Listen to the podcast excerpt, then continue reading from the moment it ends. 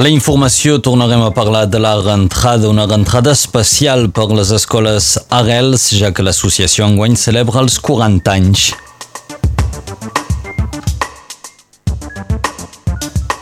La FSU alerta d'una rentrada problemàtica per la manca de mestres. Veurem les xifres que publica el sindicat, la Federació Sindical Unitària.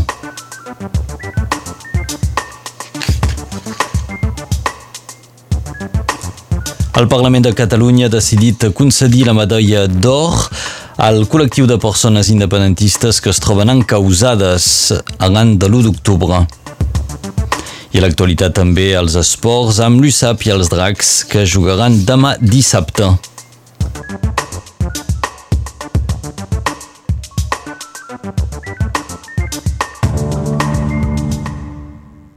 La rentrada escolar es va fer ahir per més de 80.000 alumnes nord-catalans, una rentrada en tota normalitat si no fos per les mesures sanitàries contra la Covid-19 que encara s'han d'aplicar a les escoles.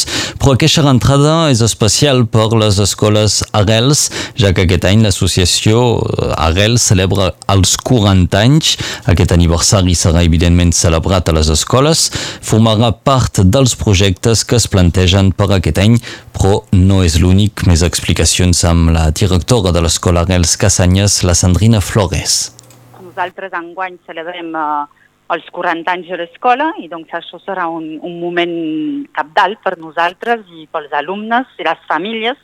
Doncs uh, hem, hem, hem, treballat al voltant d'això i de tot, totes les altres coses, evidentment, uh, que poden sorgir durant l'any. Participarem també al projecte, un projecte de robòtica, el que se diu el projecte Binomis, que ja ara els Vernets ho van fer l'any passat i doncs ens incorporem enguany en aquest eh, projecte de uh, robòtica, um, programació informàtica, donar als nens a través de la llengua, a través de, de, de, la, de les tecnologies, una obertura al, al món un poc diferent del que fem de costum. Aquests són els projectes per l'Escola Gels Casanyes en aquesta rentrada eren les explicacions de la directora Sandrina Flores. I com és habitual al moment de la rentrada és encara un moment de parlar d'obertura i tancament de classes i avui és previst una reunió entre el director d'acadèmia, l'Educació Nacional i els sindicats per decidir de l'obertura o el tancament de classes en una desena d'escoles que esperaven de veure com aniria la rentrada per avaluar les necessitats. I la Federació Sindical Unitària, la FSU, alerta que cada obertura de classe es traduirà pel tancament d'una altra, una situació límit que s'explica per la manca de mestres, tenint en compte que 56 d'entre ells s'han jubilat, 19 han dimitit i que per una trentena de mestres aquest any doncs, serà la primera rentrada que faran. La FSU compta enguany un miler d'alumnes nous al segon grau. El sindicat lamenta que aquest augment d'alumnes no es tradueixi per la creació de nous llocs de treball de mestres. L'FSU, juntament amb EFO, la CGT i Sud Solidària, anuncien una jornada de mobilització general el pròxim 23 de setembre.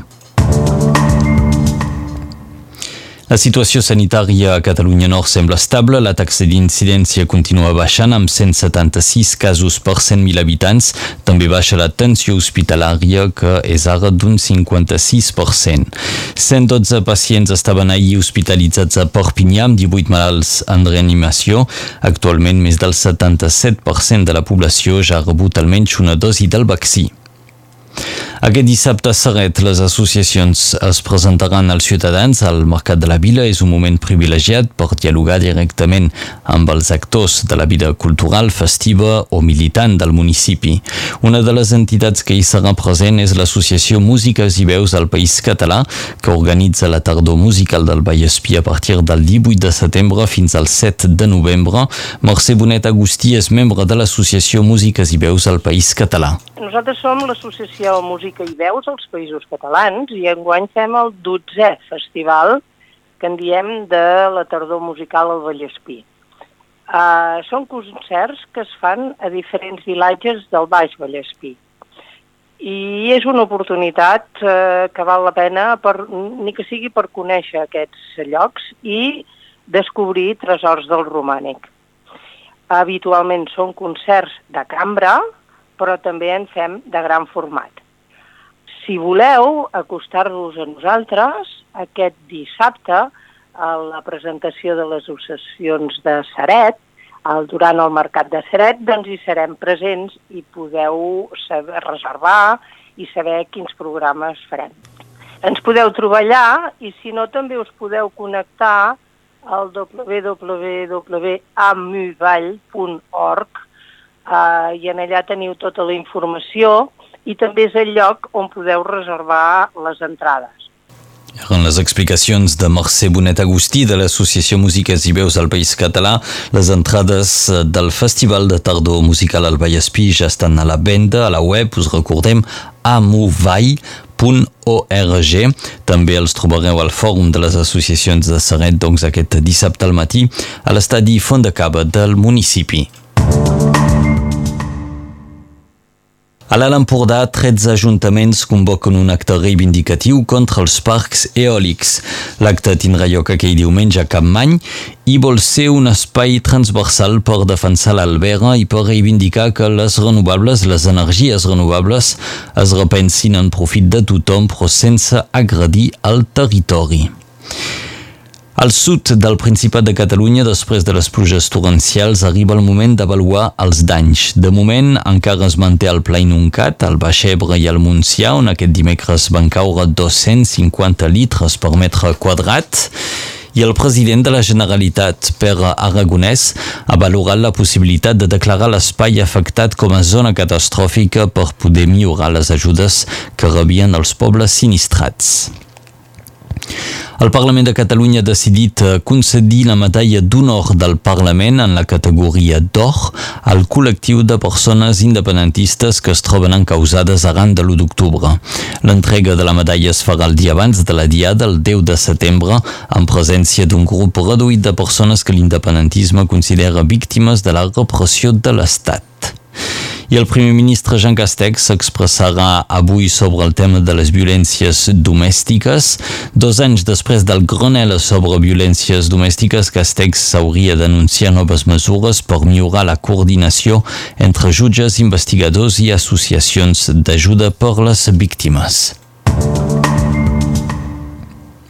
El Festival de Fotografia Visa Off va repartir ahir els premis de l'edició 2021. El Gran Premi de Fotoreportatge és per anem pica mal per l'exposició sobre Bangladesh, que es pot veure a la perruqueria Stefan Alboral-Vauban. Destaquem també el Premi Aragó, que recompensa la comunitat birmana de França amb una exposició sobre el cop d'estat a Birmania a descobrir el cafè de la Posta de Perpinyà. I ahir també es va atorgar el Premi del Visa d'Or de la Informació Numèrica. Els premiats són el fotògraf Tyler X i els periodistes Julie Turkewitz i Manuela Andreoni, una producció del New York Times. El premi recompensa un reportatge sobre les conseqüències de la pandèmia de Covid-19 sobre les comunitats indígenes de les ribes del riu Amazones al Brasil. I els esports, amb l'USAP que començarà la temporada de top 14 demà al camp de Briva a partir de les 4 de la tarda. El primer partit a casa serà l'11 de setembre contra els bascos de Biarritz. Aquest partit entre catalans i bascos es podrà seguir en directe per Radio Arrels. I els dracs catalans també jugaran demà en el marc del Magic Weekend de Superliga. El partit serà de gran expectació, ja que els dracs líders del campionat afrontaran el segon classificat, l'equip de Saint Helens, el partit començarà a les 6 i quart de la tarda.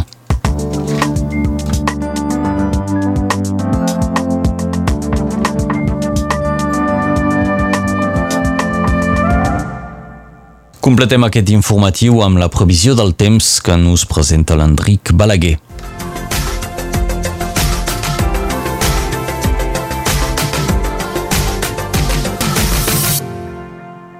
Per avui, la depressió que venia de la península ibèrica està relliscant cap a les costes del Llenguadoc, no sense deixar pel seu pas uns ruixats, alternant amb alguns raigs de sol, bufumetet de mar molt moderat. A la tarda poden esclatar algunes tempestes a l'Alba i Espí i a la Cerdanya. Cap al final de tarda tot això es calma. La temperatura té una tendència a la baixa 17 als Angles, 20 a Sallagosa i a Oleta, 22 a Marqueixanes, 23 a Corbera la Cabana, 22 a Montescot, 24 a Arles, 21 a Serrallonga, 22 a Portvendres i a Canet, 23 a Maurí. Allà, el sol es pondrà sobre les vinyes 7 minuts abans de les 7 i mitja. El 3 de desembre de 1939 neix a Rià Robert Vinyàs, historiador nord-català. Sense que hi hagi cap relació, el mateix dia, França i Gran Bretanya declaren la guerra a l'Alemanya. Un any més tard, l'any 1940, el govern francès instal·lat a Vichy, encapçalat per Mariscal Pétain, suprimeix per motius d'ordre públic o interès general els consells municipals que li són desfavorables. Aquell dia són dissolts els consells municipals d'Arles de Tec i de Mosset. Avui és Sant Gregori el Gran, aquest que va crear el cant gregorià.